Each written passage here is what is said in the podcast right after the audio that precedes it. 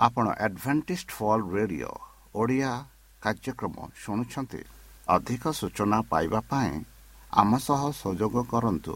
ଏକ ଆଠ ଶୂନ୍ୟ ଶୂନ୍ୟ ଆଠ ତିନି ତିନି ଦୁଇ ଦୁଇ ତିନି ଏକ କିମ୍ବା Bible at the rate of A W R dot O R G ଏହା Adventist world radio voice of hope ଜୀବନଧାରା।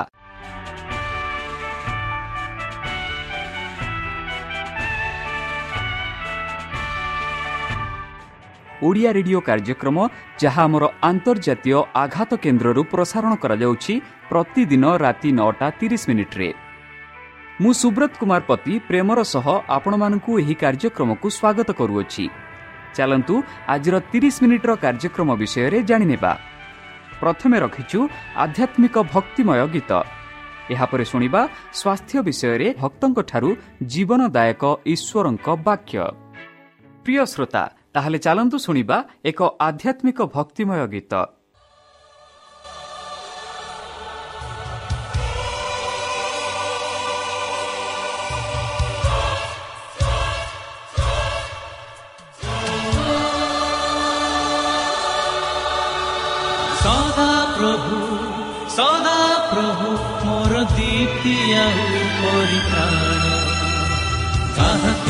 ভয় করিবি কাহাকু ी ভয় করিবি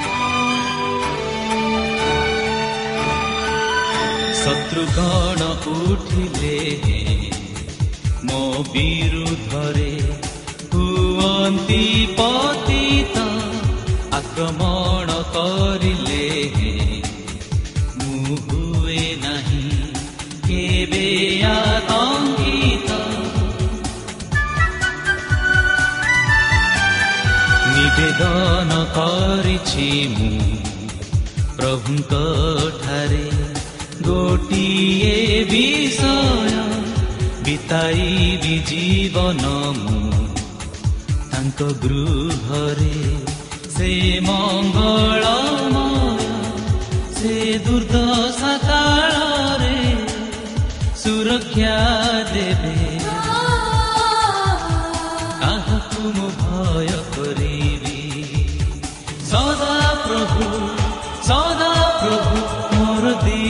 ଆଉ ପରିତ୍ରାଣ।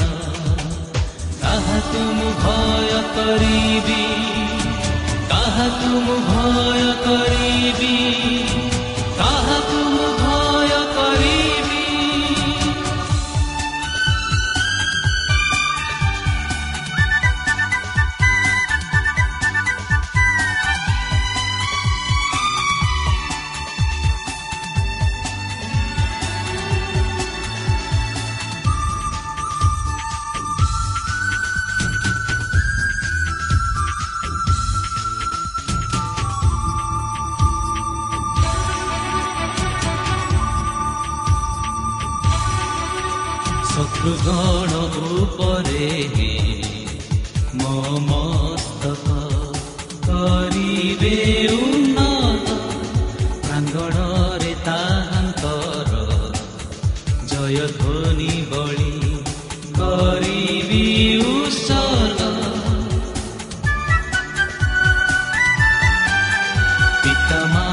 କରିଲେ ମତେ ପରିତ୍ୟାଗ ସିଏ ତୋଳି ନେବେ ମିଥ୍ୟା ସାକ୍ଷୀ ଉଠିଲେ ମୋ ବିପକ୍ଷରେ ସିଏ ସମ୍ଭାଳିବେ ମୁଁ ତାହାଙ୍କ ଉପରେ ଆସ୍ଥା ରଖିବି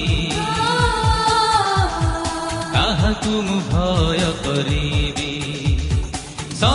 ସଦା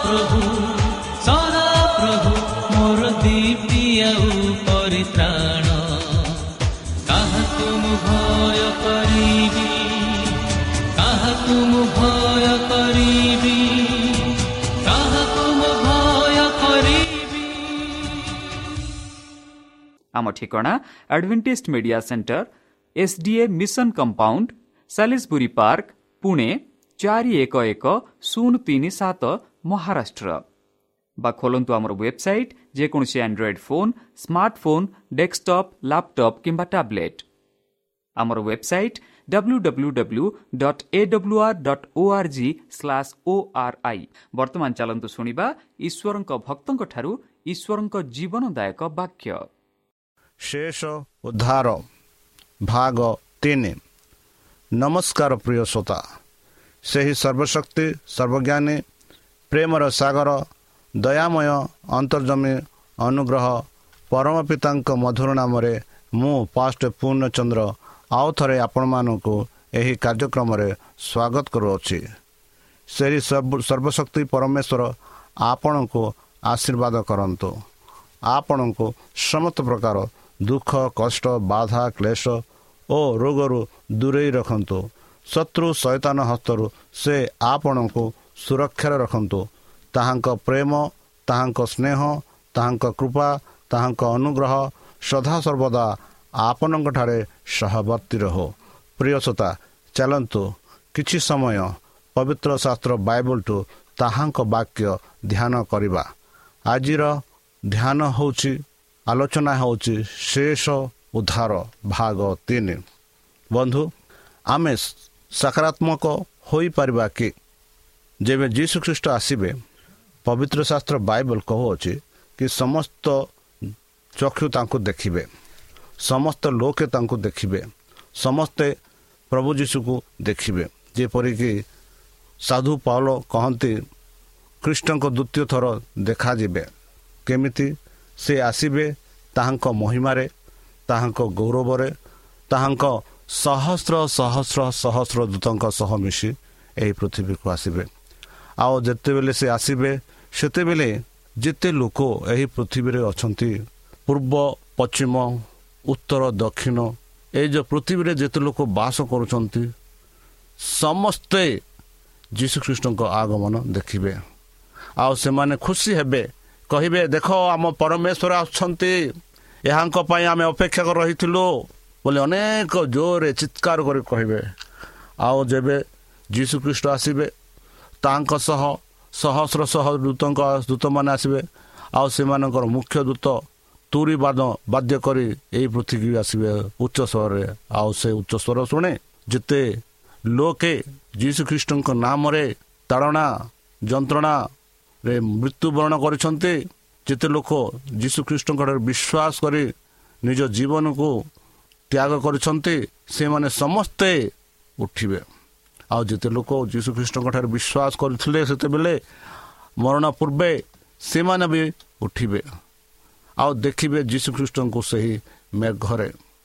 ବନ୍ଧୁ ପବିତ୍ର ଶାସ୍ତ୍ର ବାଇବଲ କହୁଅଛି ଯୀଶୁଖ୍ରୀଷ୍ଟ ଏହି ପୃଥିବୀକୁ ପାଦ ଥୋଇବେନି ବରଂ ସେ ମେଘ ଠାରେ ଉର୍ଦ୍ଧ୍ୱରେ ହିଁ ଥିବେ। ଆଉ ଯେତେ ଲୋକ ବଞ୍ଚିଛନ୍ତି ଯେତେ ଲୋକ ଯୀଶୁଖ୍ରୀଷ୍ଟଙ୍କଠାରେ ବିଶ୍ୱାସ କରିଛନ୍ତି ତାଙ୍କ ଆଜ୍ଞା ମାନିଛନ୍ତି। ସେମାନେ ସମସ୍ତେ ଖୁସିରେ ଯୀଶୁଖ୍ରୀଷ୍ଟଙ୍କୁ ମିଶିବା ପାଇଁ ସେ ମେଘକୁ ଯିବେ। ଆଉ ଯେତେ ଲୋକ ପୁନରୁତ୍ଥିତ ହୋଇଛନ୍ତି ସ୍ୱର୍ଗ ପୃଥିବୀ ଆରମ୍ଭରୁ ଆଉ ଯୀଶୁଖ୍ରୀଷ୍ଟଙ୍କ ଆଗମନ ପର୍ଯ୍ୟନ୍ତ ଯେତେ ଲୋକ ମୃତ୍ୟୁବରଣ ହୋଇଥିଲେ ତାଙ୍କ ନାମରେ ସେମାନେ ସମସ୍ତେ ଉଠିବେ। ଆଉ ସମସ୍ତେ ଜୀବନ୍ତ ଲୋକ ମୃତ୍ୟୁ ଲୋକ ମୃତ୍ୟୁ ଜୀବନ୍ତ ଲୋକ ସମସ୍ତେ ଏକାଠି ହୋଇ ସେ ଯୀଶୁଖ୍ରୀଷ୍ଟଙ୍କୁ ସେ ସ୍ୱର୍ଗ ମଧ୍ୟସ୍ଥରେ ଭେଟିବେ। ଆଉ ଯେବେ ସେ ଭେଟିବେ ଯେପରି ଗତକାଲି ଆମେ ଆଲୋଚନା କରିଥିଲୁ ଏହି ଲୋକମାନେ ସେମାନେ ସାକ୍ଷାତ କରିଛନ୍ତି ଏହି ଲୋକମାନେ ସେ ନିର୍ଯାତନା ସାକ୍ଷାତ କରିଛନ୍ତି ଯେପରି ଗତକାଲି ଆମେ ଆଲୋଚନା କରିଥିଲୁ ସେଇ ଅନ୍ଧାର ଯୁଗରେ ଯାହା ଘଟିଥିଲା ହୋଇଥାଇପାରେ। ଆମ ଦୁଇ ହଜାର ଉଣେଇଶ ମସିହାରେ କୋଡ଼ିଏ ମସିହାରେ ଏକୋଇଶ ମସିହାରେ ବାଇଶ ମସିହାରେ ଯେତେ ଲୋକ ମୃତ୍ୟୁବରଣ କରିଛନ୍ତି ଆଉ ସେମାନଙ୍କ ମଧ୍ୟରେ ଯେତେ ଲୋକ ଖ୍ରୀଷ୍ଟଙ୍କୁ ବିଶ୍ୱାସ କରିଛନ୍ତି ସେମାନେ ମଧ୍ୟ ଉଠିବେ ବନ୍ଧୁ। ଯଦି ଆପଣମାନେ ଆପଣଙ୍କ ଭାଇକୁ ହରାଇଛନ୍ତି ବା ଭଉଣୀକୁ ହରାଇଛନ୍ତି ବା ମାଆକୁ ହରାଇଛନ୍ତି ବା କୌଣସି ବନ୍ଧୁ ବାନ୍ଧବକୁ ହରାଇଛନ୍ତି ସେମାନେ ଯଦି ଖ୍ରୀଷ୍ଟଙ୍କଠାରେ ବିଶ୍ୱାସ କରିଛନ୍ତି ସେମାନେ ନିଶ୍ଚିତ ରୂପେ ପୁନରୁତ୍ଥିତ ହେବେ। ଆଉ ଯେବେ ଯୀଶୁ ଖ୍ରୀଷ୍ଟ ଆସିବେ ସେତେବେଳେ ସେମାନେ ତାଙ୍କ ଭେଟିବା ପାଇଁ ସେ ମେଘକୁ ଉପରକୁ ଯିବେ। ବନ୍ଧୁ କେଡ଼େ ସୁନ୍ଦର କଥା ଏଇଟା। ପବିତ୍ର ଶାସ୍ତ୍ର ବାଇବଲ ଆମକୁ ସାକ୍ଷରେ କହୁଛେ ଏଥିଯୋଗୁଁ ଆମେ ଦେଖୁଅଛୁ ଯେବେ ଯୀଶୁ ଖ୍ରୀଷ୍ଟ ଏହି ପୃଥିବୀରେ ଥିଲେ ଆପଣ ଶିଷ୍ୟମାନଙ୍କୁ କହିଲେ ତୁମର ଆତ୍ମା ଉଦ୍ବିଗ୍ନ ନ ହେଉ। ଯଦି ଜହନ ଚଉଦ ତାର ଏକ ଟୁ ତିନି ପଡ଼ିବା ସେ କହନ୍ତି ଦେଖ ତୁମେ କେବେ ଦୁଃଖିତ ହୁଅନି। ଉଦ୍ବିଗ୍ନ ନ ହଉ କଷ୍ଟ ନ ଦିଅ। ଭାବ ନାହିଁ ମୁଁ ତୁମକୁ ସମସ୍ତ ସବୁବେଳ ପାଇଁ ଛାଡ଼ି ଯାଉଅଛି। ମୁଁ ଯାଉଛି। ମୁଁ ଯିବି। ଆଉ ତୁମ ପାଇଁ ଏକ ସ୍ଥାନ ପ୍ରସ୍ତୁତ କରିବି। ଆଉ ଯେଉଁଠାରେ ମୁଁ ଅଛି ତୁମେ ସେଇଠାରେ ଥିବ। ମାତ୍ର ତୁମର କର୍ତ୍ତବ୍ୟ ବିଶ୍ୱସ୍ତ ରୁହ। ସେ କହନ୍ତି ମୋ ଠାରେ ବିଶ୍ୱାସ କର ପ୍ରଭୁଙ୍କଠାରେ ବିଶ୍ୱାସ କର ବନ୍ଧୁ ଆମେ ଏହି ପାପମୟ ଦୁନିଆରେ ବାସ କରୁଅଛେ ପ୍ରତ୍ୟେକ ମହତରେ ଆମେ କଷ୍ଟ ଦୁଃଖ ବାଧା କ୍ଲେଶ ସମ୍ମୁଖୀନ କରୁଅଛେ ଏଇ ଯେଉଁ ସମ୍ମୁଖୀନରେ ଯଦି ଆମେ ଖ୍ରୀଷ୍ଟଙ୍କଠାରେ ବିଶ୍ୱାସ କରିବା ତାଙ୍କଠାରେ ବିଶ୍ୱାସ ରଖି ଆମେ ଆଗକୁ ପଡ଼ି ଚାଲିବା ତେବେ ନିଶ୍ଚିତ ରୂପେ ପ୍ରଭୁଙ୍କ ପ୍ରତିଜ୍ଞା ଆମ ଜୀବନରେ ସଫଳ ହେବ ଯେହେତୁ ସେ ଆମମାନଙ୍କୁ ପ୍ରତିଜ୍ଞା କରିଛନ୍ତି ମୁଁ ଯାଉଛି ମୁଁ ଚିରସ୍ଥାୟୀ ସେହି ସ୍ୱର୍ଗରେ ଥିବିନି ମୁଁ ଆସିବି ଯେହେତୁ ମୁଁ ଯାଉଛି ତୁମମାନଙ୍କ ପାଇଁ ଏକ ସ୍ଥାନ ପ୍ରସ୍ତୁତ କରିବା ପାଇଁ। ବନ୍ଧୁ ତୁମ ପାଇଁ ମୋ ପାଇଁ ସମସ୍ତଙ୍କ ପାଇଁ ଗୋଟିଏ ସ୍ଥାନ ପ୍ରସ୍ତୁତ କରିବା ପାଇଁ। ହୋଇପାରେ ଆମେ ଅଧିକାଂଶ ଲୋକ ଆମ ଭାରତ ଦେଶରେ ଯାହା ଆମେ କହୁଛୁ ମିଡ଼ିଲ କ୍ଲାସ୍ ହୋଇପାରେ ଲୋକ ଅଛନ୍ତି ଯାହା ଯେଉଁମାନଙ୍କର ତିନି ଓଳି ଖାଇବାର ଅଭାବ ଅଛି। ମାତ୍ର ଯେବେ ଯୀଶୁ ଖ୍ରୀଷ୍ଟ ଆସିବେ ଯଦି ଆମେ ତାଙ୍କଠାରେ ବିଶ୍ୱାସ କରୁଛୁ ଏମିତି ସ୍ଥାନରେ ବାସ କରିବା ହୋଇପାରେ। ବର୍ତ୍ତମାନ ଆମେ ଗୋଟିଏ କୋଠରୀରେ ବାସ କରୁଅଛୁ।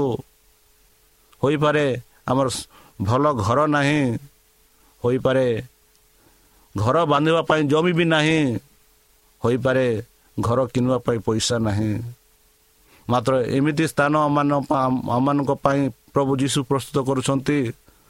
ଯେଉଁ ସ୍ଥାନରେ ସମସ୍ତଙ୍କ ପାଇଁ ଏକ ଏକ ମହଲ ଥିବ ଯେଉଁ ମହଲରେ ଆମେ ଖୁସିରେ ବାସ କରିପାରିବା। ସେହି ମହଲରେ ଆଉ ରୋଗ ନଥିବ କଷ୍ଟ ନଥିବ ବାଧା ନଥିବ ମୃତ୍ୟୁ ନଥିବ। ସେଇ ସେଇ ସ୍ୱର୍ଗରେ ଏମିତି କିଛି ଡାକ୍ତରଖାନା ନଥିବ ହସ୍ପିଟାଲ ନଥିବ ଚିକିତ୍ସାଳୟ ନଥିବ। ପ୍ରଭୁ ଆମମାନଙ୍କର ଡାକ୍ତର। ସେ ଆମମାନଙ୍କର ପ୍ରଭୁ ସେ ଆମମାନଙ୍କ ସହିତ ରହିବେ। ଆମମାନଙ୍କ ପାଇଁ ସମସ୍ତଙ୍କ ପାଇଁ ଏକ ସ୍ଥାନ ପ୍ରସ୍ତୁତ କରୁଛି ବୋଲି ଯୀଶୁଖ୍ରୀଷ୍ଟ ଏମିତି ପ୍ରତିଜ୍ଞା କରି ଦେଇଛନ୍ତି। ଆଉ ସେଇ ପ୍ରତିଜ୍ଞାରେ ଯଦି ଆମେ ସ୍ଥିର କରି ବିଶ୍ୱାସ କରିବା ନିଶ୍ଚିତ ରୂପେ ଆମମାନଙ୍କୁ ସେଇ ସ୍ଥାନ ମିଳିବ। ଯେବେ ଆମେ ସ୍ୱର୍ଗରାଜକୁ ଯିବା। ଯେହେତୁ ପ୍ରଭୁ ଯୀଶୁ ଏମାନଙ୍କୁ ଆଶ୍ୱାସନା ଦେଇଛନ୍ତି ସେ ପୁନର୍ବାର ଆସିବେ। ଆସି ଆମମାନଙ୍କୁ ଯେଉଁ ସ୍ଥାନରେ ସେ ବାସ କରୁଛନ୍ତି ସେହି ସ୍ଥାନକୁ ନେଇ ଯିବେ ବୋଲି ସେ ପ୍ରତିଜ୍ଞା କରି କହିଛନ୍ତି। ବନ୍ଧୁ ଯୀଶୁ କହିଥିଲେ ଯେ ପୁନର୍ବାର ଏହି ପୃଥିବୀକୁ ମୁଁ ଆସିବି। ପୁନର୍ବାର। ପ୍ରଥମ ଥର ସେ ଯୀଶୁ ଖ୍ରୀଷ୍ଟ ଆସିଥିଲେ ଏହି ପୃଥିବୀକୁ। ଏକ ବାଲ୍ୟ ଯୀଶୁ ସର ଏ ବାଲ୍ୟ ରୂପରେ ସେ ଆସିଥିଲେ। ଆଉ ସେହି ସମୟରେ ଆମମାନଙ୍କ ମଧ୍ୟରେ ସେ ବାସ କଲେ। ଜୀବନ ସାରା ବାସ କରିନାହାନ୍ତି। ଖାଲି ତେତିଶ ବର୍ଷ ଛଅ ମାସ ବାସ କଲେ। ଆଉ ତେତିଶ ବର୍ଷ ଛଅ ମାସ ବାସ କଲା ପରେ ସେ ପିତାଙ୍କ ପାଖକୁ ଫେରିଗଲେ। ଆଉ ପିତାଙ୍କ ପାଖକୁ ଫେରିବା ପୂର୍ବେ ସେ ଆମମାନଙ୍କୁ ଏହିପରି ପ୍ରତିଜ୍ଞା କଲେ କି ସେ ପୁନର୍ବାର ଆସିବେ।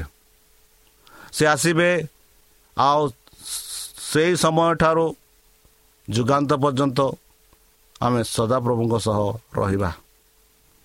ସଦାପ୍ରଭୁଙ୍କ ଠାରୁ ଆମମାନଙ୍କୁ କେହି ବି ଅଲଗା କରିପାରିବେ ନାହିଁ ବନ୍ଧୁ। ଆମେ ସଦାସର୍ବଦା ଈଶ୍ୱରଙ୍କ ସହ ରହିବା। ଆମ ପରମ ପିତାଙ୍କ ସହ ରହିବା। ଯେଉଁ ଗୃହ ଯେଉଁ ଗ୍ରହ ଯେଉଁ ଘର ଆମମାନଙ୍କ ପାଇଁ ପ୍ରସ୍ତୁତ କରାଯାଇଛି ସେ ଘର ଗୁଡ଼ାକ କେବେ ଭାଙ୍ଗ ଭଙ୍ଗା ଯାଇପାରିବ ନାହିଁ। ଯେହେତୁ ଶାସ୍ତ୍ର ଗୁଡ଼ିକ ଭାଙ୍ଗି ପାରିବ ନାହିଁ ବୋଲି ଶାସ୍ତ୍ରମାନଙ୍କୁ କହୁଅଛି। ବନ୍ଧୁ ଏହା ଏକ ସକାରାତ୍ମକ ପ୍ରମାଣ ଅଟେ। ଏହା ଖ୍ରୀଷ୍ଟଙ୍କର ନିଜର ବ୍ୟକ୍ତିଗତ ଏକ ଗ୍ୟାରେଣ୍ଟି ବ୍ୟକ୍ତିଗତ ଏକ ଗ୍ୟାରେଣ୍ଟି କି ମୁଁ ଆସୁଅଛି। ମୁଁ ଆସିବି ବୋଲି ଏକ ଗ୍ୟାରେଣ୍ଟି ଦେଉଛନ୍ତି। ଆଉ ସେ ଗ୍ୟାରେଣ୍ଟି ହେଉଛନ୍ତି ଯୀଶୁ ଖ୍ରୀଷ୍ଟ ନିଜେ। ଆଉ ସେ କହନ୍ତି କି ତୁମ ପାଇଁ ଏକ ସ୍ଥାନ ପ୍ରସ୍ତୁତ କରାଯାଇଅଛି। ଯେଉଁ ସ୍ଥାନ ମୁଁ ପ୍ରସ୍ତୁତ କରୁଛି ସେଇ ସ୍ଥାନ ଗୁଡ଼ାକ ତୁମ ପାଇଁ ଆଉ ଆସିବି ଆଉ ତୁମେ ଯେବେ ଆସିବ ସେହି ଘର ଗୁଡ଼ାକ ତୁମେ ନିଜେ ବାସ କରିବ। ଆଉ ସେଇ ଗୁଡ଼ାକ ଘର ଗୁଡ଼ାକ ସାଂସାରିକ ଘର ପରି ନୁହଁ। ଆଜିକାଲି ଯଦି ଆମେ ରୋଡ଼ରେ ଯାତ୍ରା କରୁଛୁ ଯଦି ଆପଣ ଯଦି କେଉଁ ଗାଁ ଗଳି ସାହି ମଝିରେ ଯାତ୍ରା କରୁଛନ୍ତି ସେଇ ସାହିର ଗଲି ଯଦି ଦେଖିବେ ଏତେ ଅପରିଷ୍କାର ରୁହେ। ଆଜିକାଲି ଗାଁ ଗଳିର ଛାଡ଼ି ଦିଅନ୍ତୁ ସହର ମଝି ସହର ମଝିରେ ଯଦି ଆପଣ ଛାଡ଼ୁଛନ୍ତି ପ୍ରାୟ କିଛି ସହର ଗୁଡ଼ାକ ଗଲି ଗୁଡ଼ାକ ବହୁତ ଗନ୍ଧ ଅପରିଷ୍କାର।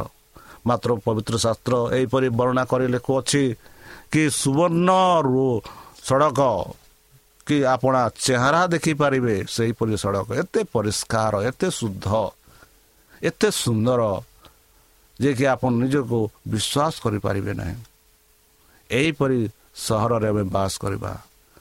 ଆମମାନଙ୍କ ପାଇଁ ସେତେବେଳେ ସୂର୍ଯ୍ୟର ଆବଶ୍ୟକ ପଡ଼ିବ ନାହିଁ ଯେହେତୁ ପରମେଶ୍ୱର ଆମମାନଙ୍କ ସହ ରହିବେ। ଯେହେତୁ ପରମେଶ୍ୱର ସୂର୍ଯ୍ୟରୁ ଅତି ତେଜ। ତାଙ୍କ ତେଜ ହିଁ ଆମେ ଦିବାରାତ୍ରି ମୁକ୍ତରେ ପ୍ରାପ୍ତ କରିପାରିବା। ଆମମାନଙ୍କୁ ସେତେବେଳେ ଦିବାରାତ୍ରି ବୋଲି ଜଣାପଡ଼ିବ ନାହିଁ। ଯେବେ ଆମମାନେ ସ୍ୱର୍ଗରାଜ ଯିବା ଯେଉଁ ଗୃହ ପରମେଶ୍ୱର ମାନଙ୍କ ପାଇଁ ପ୍ରସ୍ତୁତ କରିଅଛନ୍ତି। ସେଇ ଗୃହରେ ବାସ କରିବା। ଯେଉଁ ନଦୀ ପରମେଶ୍ୱରଙ୍କର ସିଂହାସନରୁ ଆସୁଛି ସେଇ ନଦୀର ଜଳ ପିଇବା।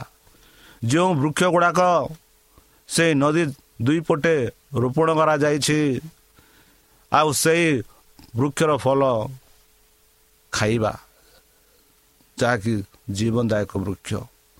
ଯେଉଁ ପତ୍ର ଗୁଡ଼ାକ ଆମେ ଦେଖାଉଛୁ ସେ ସୁସ୍ଥ ପାଇଁ ବ୍ୟବହାର କରିଥାଏ। ବନ୍ଧୁ ସେହି ସମୟରେ ଆମେ ସମସ୍ତେ ଖୁସି ଜୀବନରେ ବାସ କରିବା। ଆଦ୍ୟରେ ପରମେଶ୍ୱର ଯେବେ ଆଦମ ହବାକୁ ନିର୍ମାଣ କଲେ ଆଉ ସେମାନଙ୍କୁ ସେଇ ଏଦନ ବଗିଚାରେ ରଖିଲେ ଆଉ ସେ ଏଦନ ବଗିଚାରେ ଆଦମ ହବା ଏହିପରି ଅନୁଭବ କଲେ ଯେ ସେମାନେ ପ୍ରତ୍ୟେକ ପଶୁ ପ୍ରତ୍ୟେକ ସର୍ପ ପ୍ରତ୍ୟେକ ପକ୍ଷୀ ସହିତ ଛୁଆଁ କରୁ ଛୁଉଁଥିଲେ ସେମାନଙ୍କ ସହିତ ବାସ କରୁଥିଲେ। ଯେବେ ପାପ ଏଇ ପୃଥିବୀରେ ପ୍ରବେଶ କଲା ଯେଉଁ ସମ୍ପର୍କ ସେମାନଙ୍କର ଥିଲା ସେଇ ଯେଉଁ ସର୍ପ ସେଇ ଯେଉଁ ନାଗ ସେଇ ରୂପ ନେଇ ସୈତାନ ଆସି ଆଦମ ହବାକୁ ପ୍ରଲୋଭନ କଲେ। ଆଉ ସେ ପ୍ରଲୋଭନ ଦ୍ୱାରା ସେମାନେ ସୈତାନ ହସ୍ତରେ ପଡ଼ି ଈଶ୍ୱରଙ୍କ ବିଦ୍ରୋହୀ କାମ କଲେ। ସେଇ ଦିନଠାରୁ ଆମର ଯେଉଁ ସମ୍ପର୍କ ଥିଲା ଆମେ ଦେଖୁଅଛୁ ହିଂସାକାରୀ ଜନ୍ତୁ ଗୁଡ଼ାକ ଯେଉଁଟା ଆମେ କହୁଛୁ ୱାଇଲ୍ଡ ଆନିମଲ ବନ୍ଧୁ ଯେବେ ଆମେ ସ୍ୱର୍ଗରାଜ ଯିବା ସେଇ ସ୍ୱର୍ଗରେ ଆଉ ଏମିତି ଜିନିଷ କିଛି ନଥିବ ଯାହାକି ପରସ୍ପର ବିରୋଧରେ ରାଗିଯାଆନ୍ତି ବା ପରସ୍ପର ବିରୁଦ୍ଧରେ ଲଢ଼େଇ କରନ୍ତି କିଛି ନଥିବ। ସମସ୍ତେ ପ୍ରେମରେ ଆନନ୍ଦରେ ବାସ କରିବେ। ଏହା ବ୍ୟତୀତ ଯୀଶୁ ତାଙ୍କର ପ୍ରଥମ ଆସିବାର ଭବିଷ୍ୟତବାଣୀକୁ ପୂରଣ କଲେ। ତେଣୁ ଆମେ ନିଶ୍ଚିତ ଭାବରେ ନିଶ୍ଚିତ ହୋଇପାରିବା ଯେ ଯୀଶୁ ଖ୍ରୀଷ୍ଟ ନିଶ୍ଚିତ ରୂପେ ଆସିବେ ନିଶ୍ଚିତ ରୂପେ ଫେରିବେ। ବନ୍ଧୁ ଯେତେବେଳେ ସେ ଏହିସବୁ କଥା କହିଥିଲେ ଆପଣା ଶିଷ୍ୟମାନଙ୍କୁ ସେତେବେଳେ ଆମେ ଦେଖୁଅଛୁ ତାଙ୍କର ଶିଷ୍ୟମାନେ କେତେ ଦୁଃଖିତ ହୋଇଥିଲେ। ମଧ୍ୟ ସେ ଦୁଃଖରେ ସେମାନଙ୍କୁ ବୁଝାଇ କହିଲେ ବନ୍ଧୁ ପ୍ରତିଜ୍ଞା ଯୀଶୁ ଶାସ୍ତ୍ର ପ୍ରତିଜ୍ଞା କରିଛନ୍ତି। ଆଉ ଯୀଶୁ ଶାସ୍ତ୍ର ଦ୍ୱାରା ଆମମାନଙ୍କୁ ତାଙ୍କ ପ୍ରତିଜ୍ଞା ପ୍ରଦର୍ଶନ କରୁଛନ୍ତି କି ସେ ଆଉ ଥରେ ଆସିବେ ଆସି ସେ ଆମମାନଙ୍କୁ ସେ ସ୍ୱର୍ଗରାଜକୁ ନେବେ। ବନ୍ଧୁ ଆପଣମାନେ ସେହି ସ୍ୱର୍ଗରାଜ ଯିବା ପାଇଁ ଉଚିତ ପ୍ରସ୍ତୁତ ଅଛନ୍ତି କି? ଯେହେତୁ ଯୀଶୁ ଖ୍ରୀଷ୍ଟ ବହୁ ଶୀଘ୍ର ଆସୁଛନ୍ତି। ପ୍ରକାଶିତ ବାକ୍ୟ ପ୍ରକାଶିତରେ ଆଉ ଥରେ ସେ କହନ୍ତି ଦେଖ ସେ ଯୀଶୁ ଖ୍ରୀଷ୍ଟ ମେଘର ଥରେ ଆସୁଅଛନ୍ତି। ହଁ ବନ୍ଧୁ ମେଘର ଥରେ ଯୀଶୁ ଖ୍ରୀଷ୍ଟ ଆସୁଛନ୍ତି ଆଉ ପ୍ରତ୍ୟେକ ଆଖି ତାଙ୍କୁ ଦେଖିବ ପ୍ରତ୍ୟେକ ଚକ୍ଷୁ ତାଙ୍କୁ ଦେଖିବ। ଏହା ଏକ ସୌନ୍ଦର୍ଯ୍ୟ ଦୃଶ୍ୟ ଥିବ। ସହସ୍ର ସହସ୍ର କୋଟି କୋଟି ଦୂତଙ୍କ ସହ ଆସିବେ। ଭଉଣୀ ଏଲ୍ ଜି ୱାଇଟ୍ କହନ୍ତି ଏହିପରି ଯେ ସ୍ୱର୍ଗ ଏକବାର ଖାଲି ହୋଇଯିବ ସ୍ୱର୍ଗରେ ଆଉ କେହି ନଥିବେ ମାତ୍ର ପିତା ଥିବେ ସ୍ୱର୍ଗରେ। ସ୍ୱର୍ଗର ଦୂତ ଯେତେ ଦୂତ ଗୁଡ଼ାକ ଅଛନ୍ତି ସେଇ ଦୂତ ସମସ୍ତେ ଯୀଶୁ ଖ୍ରୀଷ୍ଟଙ୍କ ସହ ଏହି ପୃଥିବୀକୁ ଆସିବେ। କେଡ଼େ ସୁନ୍ଦର ଦୃଶ୍ୟ ସେଟା ଥିବ। ସ୍ୱର୍ଗ ରାଜ୍ୟ ଏକବାର ଖାଲି ହେଇଯିବ। କାହିଁକି?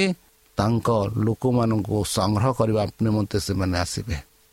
ଯୀଶୁଖ୍ରୀଷ୍ଟ ଆପଣ ବିଶ୍ୱାସୀମାନଙ୍କୁ ସଂଗ୍ରହ କରିବା ନିମନ୍ତେ ଆସିବେ। ଆଉ ସେତେବେଳେ ସ୍ୱର୍ଗ ଖାଲି ହୋଇଯିବ।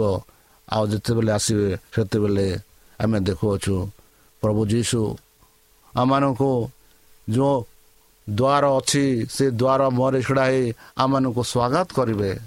ଆସ ମୋ ଘରେ ପଶ ଆସ ମୋ ମନ୍ଦିର ମୋ ମହଲରେ ପଶ ଆସ ଏ ସ୍ୱର୍ଗରେ ପଶ ବୋଲି ଯୀଶୁ ଖ୍ରୀଷ୍ଟମାନଙ୍କୁ ସ୍ୱାଗତ କରିବେ।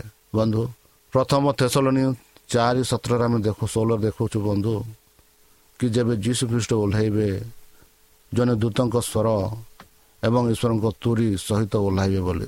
ଚିତ୍କାର କରି ଆଉ ପ୍ରଭୁ ନିଜେ ସ୍ୱର୍ଗରୁ ଏକ ଚିତ୍କାର ବାଦ୍ୟ ଚିତ୍କାର ସହ ଆସିବେ ବୋଲି କହୁଅଛି। ବନ୍ଧୁ ଦୁନିଆରେ ବାସ କରୁଥିବା ପ୍ରତ୍ୟେକ ପୁରୁଷ ସ୍ତ୍ରୀ ଧନୀ ଗରିବ ଶିକ୍ଷିତ ଅଶିକ୍ଷିତ ଛୋଟ ବଡ଼ ଶିଶୁ ଯେତେବେଳେ ଯୀଶୁ ଫେରିବେ ସେତେବେଳେ ତାଙ୍କୁ ଦ୍ୱିତୀୟ ଆସିବା ସମୟରେ ସମସ୍ତେ ଦେଖିବେ ସମସ୍ତେ ଦେଖିବେ ବଡ଼ ଛୋଟ ସମସ୍ତେ ଦେଖିବେ। ତାଙ୍କ ଚେହେରାର ଚମତ୍କାର ଉଜ୍ଜଳତା ରାଶିରୁ ରାଶି ପର୍ଯ୍ୟନ୍ତ ବିସ୍ତାର ହେବ ଏବଂ ବ୍ରଜ ପରି ଉଜ୍ଜଳ ଗୌରବ ସହିତ ବାୟୁମଣ୍ଡଳକୁ ଚାର୍ଜ କରାଯିବ ମାନେ ଚାରିପଟ ଉଜ୍ଜଳ ସୂର୍ଯ୍ୟ ଥିବନି ଚନ୍ଦ୍ର ଥିବନି ଚାରିପଟେ ଈଶ୍ୱରଙ୍କର ଉଜ୍ଜଳତା ଘେରାଇବ। ଆଉ ସମସ୍ତେ ଦେଖିପାରିବେ ଏଥିରୁ। କେହି ନିଜକୁ ଲୁଚାଇ ପାରିବ ନାହିଁ। ଲୁଚାଇବାକୁ ସମର୍ଥ ହେବ ନାହିଁ ବୋଲି ପବିତ୍ର ଶାସ୍ତ୍ର ବାଇବଲ କହୁଅଛି। ଏହା ଏକ ଉଚ୍ଚ ସ୍ୱର ନାଟକୀୟ ଘଟଣା ହେବ ଯେଉଁଥିରେ ମୃତ୍ୟୁମାନେ ମଧ୍ୟ ପୁନର୍ଜୀବିତ ହେବେ। ବନ୍ଧୁ ଆପଣମାନେ ସେଇ ମୃତ୍ୟୁମାନଙ୍କ ସହ ପୁନର୍ଜୀବିତ ହେବାକୁ ଚାହୁଁଛନ୍ତି କି? ଆପଣମାନେ ସେଇ ସାଧୁଙ୍କ ସହ ସେଇ ସ୍ୱର୍ଗରାଜ ଯିବା ପାଇଁ ଇଚ୍ଛା କରୁଛନ୍ତି କି? ତାହେଲେ ଚାଲନ୍ତୁ। ନିଜକୁ ତାଙ୍କ ହସ୍ତରେ ସମର୍ପଣ କରିବା। ନିଜକୁ ତାଙ୍କ ବାକ୍ୟ ଅନୁସାରେ ଚାଲିବା ପାଇଁ ଇଚ୍ଛା କରିବା ଆଉ ତାଙ୍କ ବାକ୍ୟ ଅନୁସାରେ ଆମେ ଚାଲିବା। ବନ୍ଧୁ ତାହେଲେ ଚାଲନ୍ତୁ। ନିଜକୁ ସମର୍ପଣ କରି ଆପଣ ପରିବାରକୁ ସମର୍ପଣ କରି ତାଙ୍କ ମଧ୍ୟରୁ ନାମେ ଆମେ ପ୍ରାର୍ଥନା କରିବା। ହେ ଆମ୍ଭମାନଙ୍କ ସର୍ବଶକ୍ତି ସର୍ବଜ୍ଞାନୀ ପ୍ରେମର ସାଗର ଦୟାମୟ ଅନ୍ତର୍ଜମୀ ଅନୁଗ୍ରହ ପରମ ପିତା। ଧନ୍ୟବାଦ ଅର୍ପଣ କରୁଅଛୁ ବର୍ତ୍ତମାନ ଯେଉଁ ବାକ୍ୟ ତୁମ ଭକ୍ତମାନଙ୍କୁ ଶୁଣାଇଲେ ସେହି ବାକ୍ୟ ଅନୁସାରେ ଏମାନଙ୍କୁ ଚାଲିବା ପାଇଁ ବୁଦ୍ଧିରେ ଜ୍ଞାନରେ ଶକ୍ତିରେ ପରିପୂର୍ଣ୍ଣ କର। ଆମ ପାପ ସବୁ ତୁମ ସେହି ବହୁମୂଲ୍ୟ ରକ୍ତରେ ପରିଷ୍କାର ରୂପେ ଧୋଇଦିଅ ଆଉ ପରିଶେଷ ଯେବେ ତୁମେ ତୁମ ସେହି ସହସ୍ର ଦୂତଙ୍କ ସହ ଆସିବେ ସେତେବେଳେ ଆମମାନଙ୍କୁ ଏକ ବାସସ୍ଥାନ ଦେବ ବୋଲି ତ୍ରାଣକର୍ତ୍ତା ପ୍ରଭୁ ଯୀଶୁଙ୍କ ମଧୁରମୟ ନାମରେ ଏହି ଛୋଟ ବିକ୍ଷମ ଅଛି ଶୁଣି ଗ୍ରହଣ କର। ଆମେନ୍। প্রিয় শ্রোতা আমি আশা করুଛୁ ଯେ ଆମର କାର୍ଯ୍ୟକ୍ରମ ଆପଣମାନଙ୍କୁ ପସନ୍ଦ ଲାଗୁଥିବ ଆପଣଙ୍କର ମତାମତ ଜଣାଇବା ପାଇଁ ଆମର ଏହି ଠିକଣାରେ ଯୋଗାଯୋଗ କରନ୍ତୁ ଆମ ଠିକଣା Adventist Media Center SDA mission compound Salisbury Park Pune ଚାରି ଏକ ଏକ ଶୂନ ତିନି ସାତ ମହାରାଷ୍ଟ୍ର ବା ଖୋଲନ୍ତୁ ଆମର ୱେବସାଇଟ୍ ଯେକୌଣସି Android phone smartphone desktop laptop କିମ୍ବା ଟ୍ୟାବ୍ଲେଟ୍ ଆମର ୱେବସାଇଟ୍ www.awr.org/ori এবং www.adventistmediacenterindia.org ଆଡ଼ଭେଣ୍ଟେଜ୍ ମିଡ଼ିଆ ସେଣ୍ଟର ଇଣ୍ଡିଆର ସ୍ପେଲିଂ ହେଉଛି A D V E N T I S T M E D I A C E N T R E I N D I A ଅଥବା download କରନ୍ତୁ ଆମର mobile app ଆପଣଙ୍କର mobile play ଷ୍ଟୋରକୁ ଯାଆନ୍ତୁ ଆଉ type କରନ୍ତୁ the voice of Hope ଆଉ download କରନ୍ତୁ ଈଶ୍ୱର ଆପଣଙ୍କୁ ଆଶୀର୍ବାଦ କରନ୍ତୁ ଧନ୍ୟବାଦ କାହାକୁ ମୁଁ ଭୟ କରିବି କାହାକୁ ମୁଁ ଭୟ କରିବି କାହାକୁ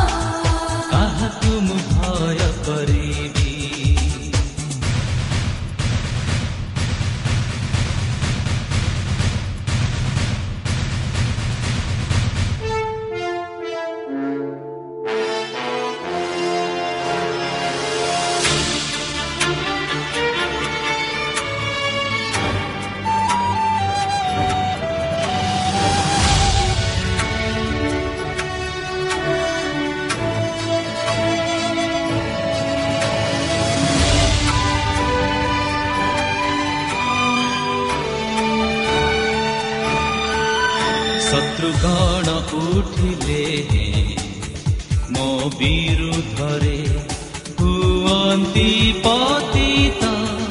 ଆକ୍ରମଣ କରିଲେ ମୁଁ ହୁଏ ନାହିଁ କେବେ ଆତଙ୍କିତ। ନିବେଦନ କରିଛି ମୁଁ ପ୍ରଭୁଙ୍କ ଠାରେ ଗୋଟିଏ ବିଷୟ ବିତାଇବି ଜୀବନ ମୁଁ। ତାଙ୍କ ଗୃହରେ।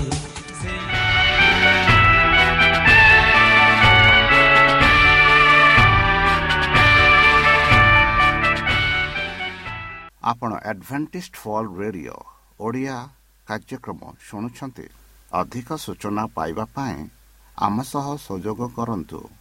ଏକ ଆଠ ଶୂନ୍ୟ ଶୂନ୍ୟ ଆଠ ତିନି ତିନି ଦୁଇ ଦୁଇ ତିନି ଏକ କିମ୍ବା Bible at the rate of A W R dot O R G